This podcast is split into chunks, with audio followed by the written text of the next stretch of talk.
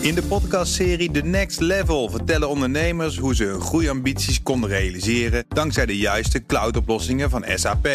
Wat waren de uitdagingen, de oplossingen en hoe ging de uiteindelijke implementatie? Benieuwd naar hun verhalen en hoe zij met behulp van SAP ook hun toekomstige ambities kunnen behalen? Luister de podcast The Next Level via de BNR-app of je favoriete podcast-app.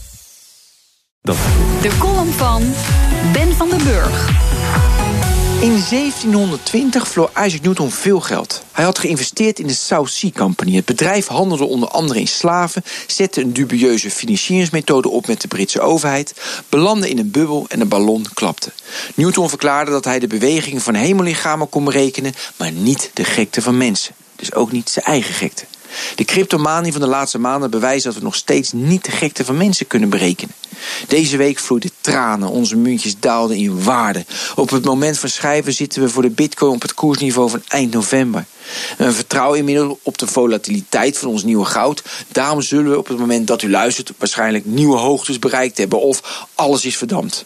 Deze week waren dagen bij dat de totale cryptovaluta's bij elkaar 200 miljard dollar in waarde daalden. De ripples, en die hebben zo'n potentie, hadden dagen met dalingen van 20, 30 procent. Ethereum, en ze gingen toch zo goed de laatste weken, daalde 48 procent in twee dagen. De helft van ons Ethereum-vermogen verdampt, weg, verdwenen. We belanden in dit dal dankzij de minister van Financiën van Zuid-Korea. Deze man, Kim Dong-yem, zo'n conservatieve, rechtlijnige, rigide bureaucraat, verkondigde vorige week dat Zuid-Korea cryptomunten moet verbieden. En dat bleek later weer genuanceerder te liggen. Hij wilde slechts betere regulering. Het kwaad was echter geschied.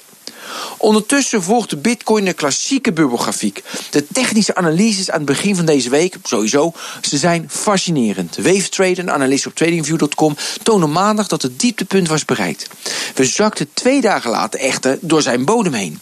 Voor de moraal haalde Akil Stokes op dat moment een mini-dipje van half november erbij om te betogen dat de bodem 8000 dollar zou zijn. Akil blijkt gelijk te hebben gekregen. We stijgen weer.